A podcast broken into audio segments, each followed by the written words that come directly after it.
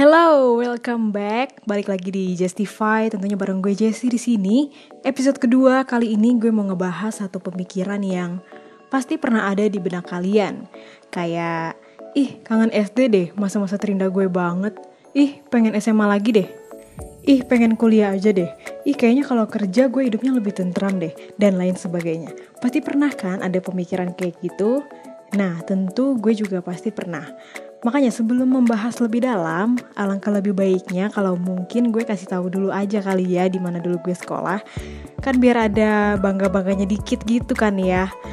Oke, jadi gue itu SD di Budi Mulia Bogor, SMP juga di Budi Mulia Bogor. Kalau kalian turis gitu ya, atau mungkin wisatawan yang suka ke Bogor terus naik kereta, pasti ngelewatin tuh SD dan SMP gue yang letaknya nggak jauh dari stasiun Bogor. Nah jujur nih ya, kalau gue ditanya mana yang lebih bahagia, dulu gue akan dengan yakin menjawab bahwa SMP adalah masa-masa terindah gue yang penuh dengan kebahagiaan. Kenapa? Karena coba bayangin aja nih ya, ini bukannya gue mau sombong, tapi justru menurut gue ini adalah hal yang memalukan. Jadi waktu SMP, di saat orang-orang belum terlalu mengenal internet, belum banyak yang punya Facebook atau Twitter, justru gue punya internet yang letaknya ada di kamar gue sendiri. So bayangin aja gitu ya, masih bocah, masih belum tahu hidupnya mau ngapain, masih SMP, dapat internet di kamarnya sendiri. Kira-kira apa yang bakal dilakuin? Pastinya main game kan ya, makanya dulu tuh gue suka banget main Ameba Pico yang ada di Facebook bareng teman-teman gue lainnya juga dan itu tuh mainnya dari jam 7 malam sampai jam 7 pagi. Oh my god, makanya kalau kalian kenal gue gitu ya, atau kalian memang temen gue yang pastinya pernah ketemu sama gue, atau pernah ngeliat gue secara langsung dengan wujud rupa aslinya, pasti kalian tahu kalau gue itu pendek, kecil, dan kalau di kerumunan itu pasti gue gak kelihatan dan susah untuk menemukan gue. Ya jadi itu mungkin penyebabnya kali ya, karena anak kecil itu kan tumbuh saat mereka sedang tidur. Jadi boro-boro gue tuh dulu tidur siang ya, tidur malam aja enggak. Makanya gue sempet mikir kalau SMP adalah masa kejayaan gue. Selain itu juga nih, waktu gue SMP, gue kan SMP-nya di Budi Mulia. Dan menurut gue di situ sekolahnya emang seru, temennya emang baik-baik dan gue nyaman banget di situ. Tapi sayangnya saat mau masuk SMA, gue memutuskan untuk enggak lanjut di situ. Gue memilih untuk pindah ke SMA Kesatuan Bogor yang justru letaknya lebih jauh dan dengan biaya sekolah yang lebih mahal. Nah, kenapa gue memilih untuk masuk ke satuan? Karena satu hal yang menjadi alasan utama kenapa gue pindah adalah hari Sabtunya libur. Dan perlu kalian ketahui, ini menurut gue aja ya.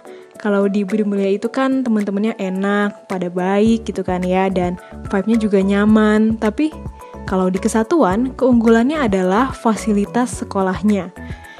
Jadi kesatuan tuh punya lapangan yang gede banget gue tuh gak pernah seumur hidup bisa lari di lapangan itu satu putaran tanpa capek atau nyerah di tengah jalan. Karena emang gede sih menurut gue dan ada tribunnya juga kan keren banget gitu ya. Kantinnya juga bagus terus tiap kelasnya juga ada AC-nya ini mohon maaf kenapa jadi promosi ini ya. Ya udahlah ya kita lanjut aja selama masa SMA itu gue udah mulai kenal hal-hal yang sedikit kurang ajar ya kayak bolos ke kantin, gak ikut upacara, terus ngomong kasar karena waktu di Budi Mulia soalnya itu juga merupakan sekolah Katolik.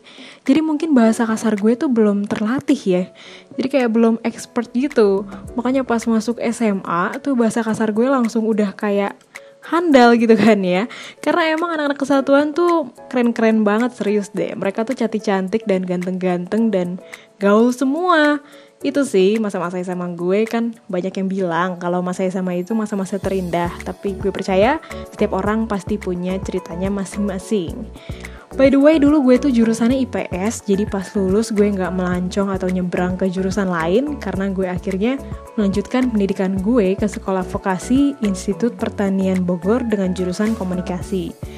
Di PB ini, gue belajar banyak banget hal baru karena namanya juga sekolah vokasi, pasti lebih banyak prakteknya daripada teorinya. Bahkan waktu gue baru masuk kuliah aja nih ya, orang-orang pada bilang kayak, ih enak banget sih. Kuliah apaan sih kayak gitu sih? Mau deh. Karena kalian tahu nggak? Tugas yang gue dapet saat kuliah pertama itu adalah nulis keburukan dan kebaikan kita. Itu beneran tugas dan beneran dinilai. Terus ada juga gue pernah praktek mata kuliah apa gitu ya? Gue nggak inget.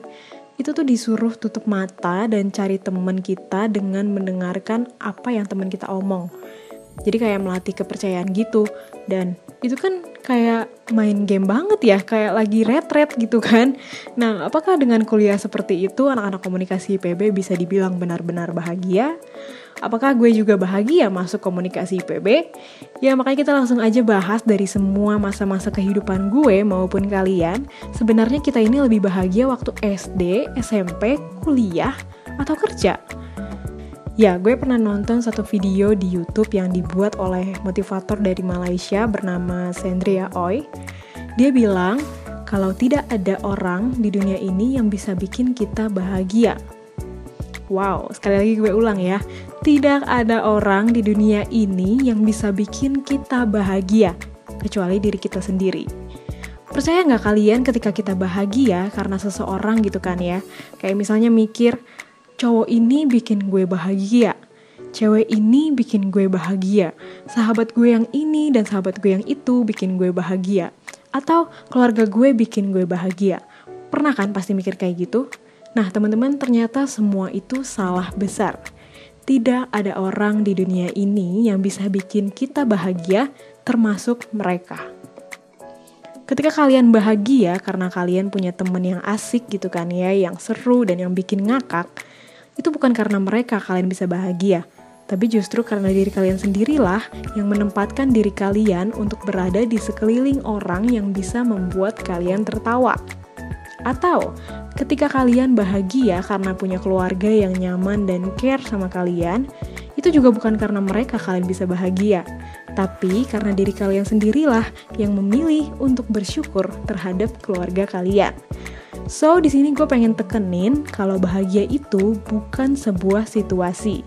Bukan disebabkan oleh orang di sekitar kita, oleh lingkungan kita, oleh masa-masa sekolah kita, atau oleh apa pun deh Bahagia itu adalah sebuah pola pikir, sebuah gaya hidup, dan sebuah perasaan yang bisa kita pilih dan juga bisa kita tentukan sendiri. Jadi kalau dulu gue sempet mikir gitu ya, masa-masa bahagia gue itu ada di SMP, ternyata gue juga salah besar. Waktu SD pun gue bahagia juga kok, Waktu SMP gue bahagia, SMA pun gue bahagia, kuliah pun juga gue bahagia.